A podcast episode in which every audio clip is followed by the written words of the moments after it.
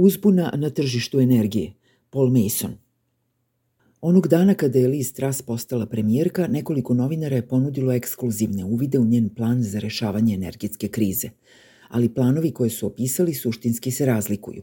U jednom Trus namerava da potroši 75 milijardi funti za kompenzaciju distributerima energije zbog ograničenja cene – u drugom da prebaci teret na potrošače i primora ih da se dugoročno zaduže, a u trećem da sve finansira zaduživanjem države. Uskoro ćemo znati šta je odlučila. Za sad je izvesno da će tržište energije, to čudovište koje je država stvorila da bi pomogla energetskim kompanijama koje nikada nije ni trebalo privatizovati, uskoro prestati da funkcioniše.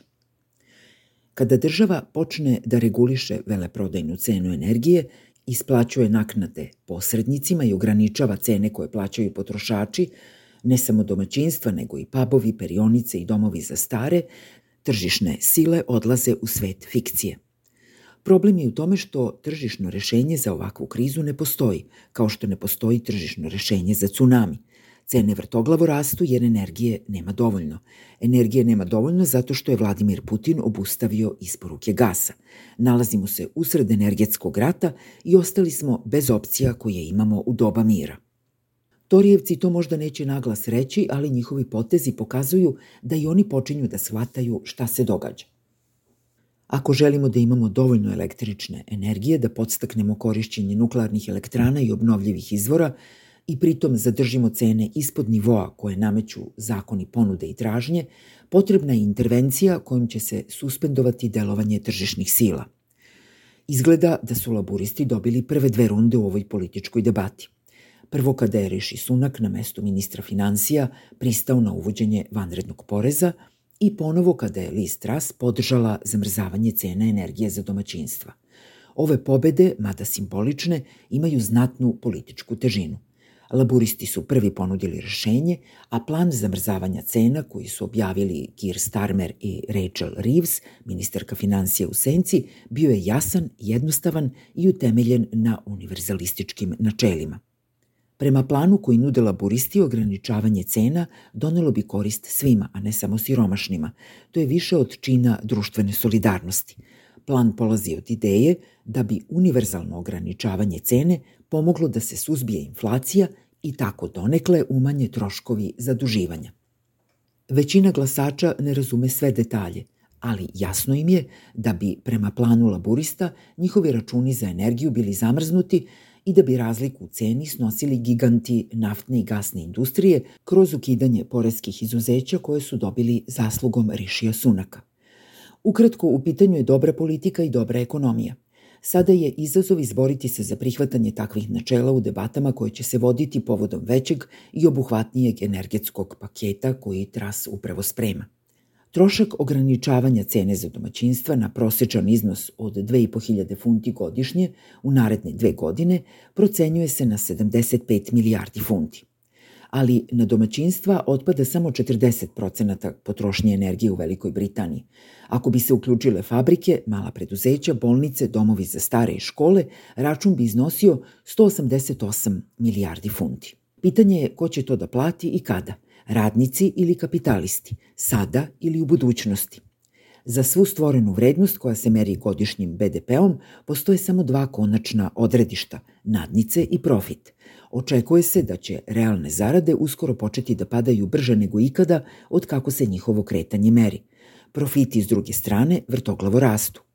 Ako se prepustimo silama tržišta, dolazeća kriza će neizbežno doneti jedan od najvećih transfera bogatstva u korist najbogatijih.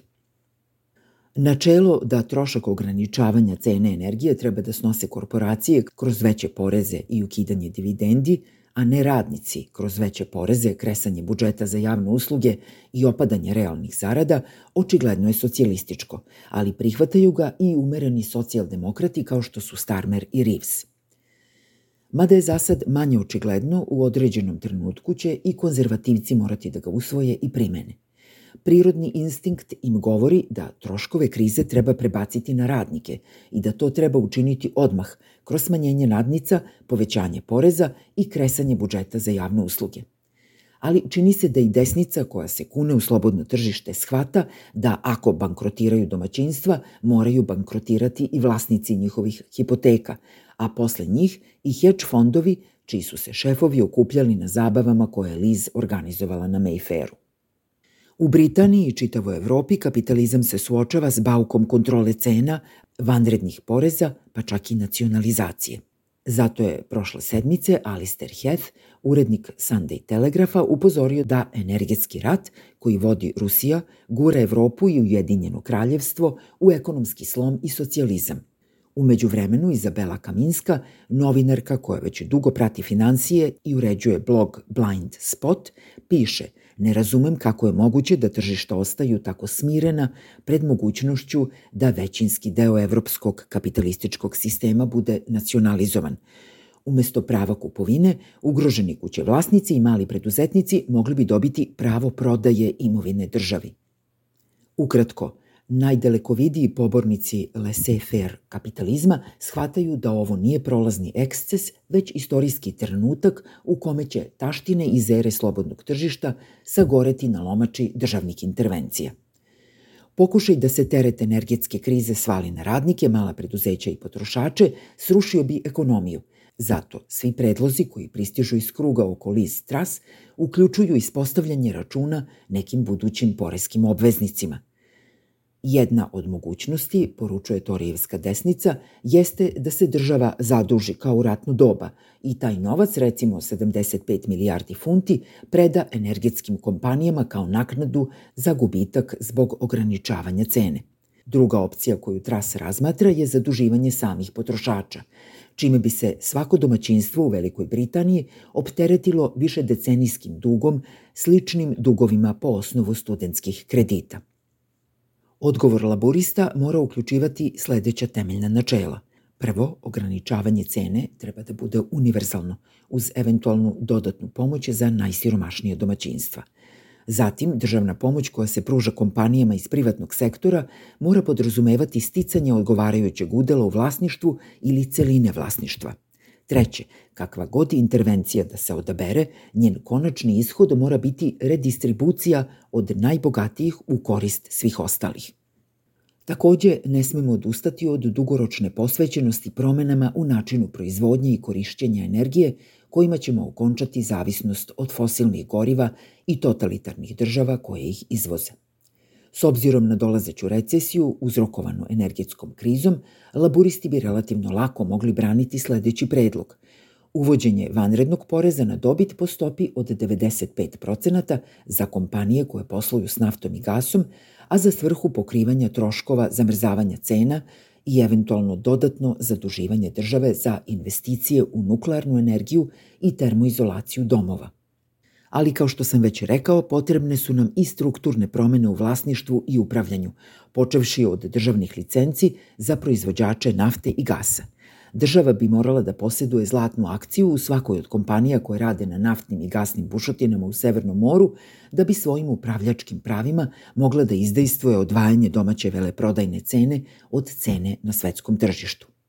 Tako bi se direktno subvencionisao čitav sistem, od kompanije Centrika do računa za električnu energiju za pubove i domaćinstva – Pored toga, bilo bi pravično i logično nacionalizovati maloprodajne kompanije i nacionalnu distributivnu mrežu. Investitori će tvrditi da su žrtve ekspropriacije i zahtevaće obeštećenje po međunarodnim sporazumima, ali u tom slučaju moraće da stanu na kraj veoma dugog reda, jer će se isto događati širom Evrope i sveta dokle god Putin bude u poziciji da nas ucenjuje isporukama gasa.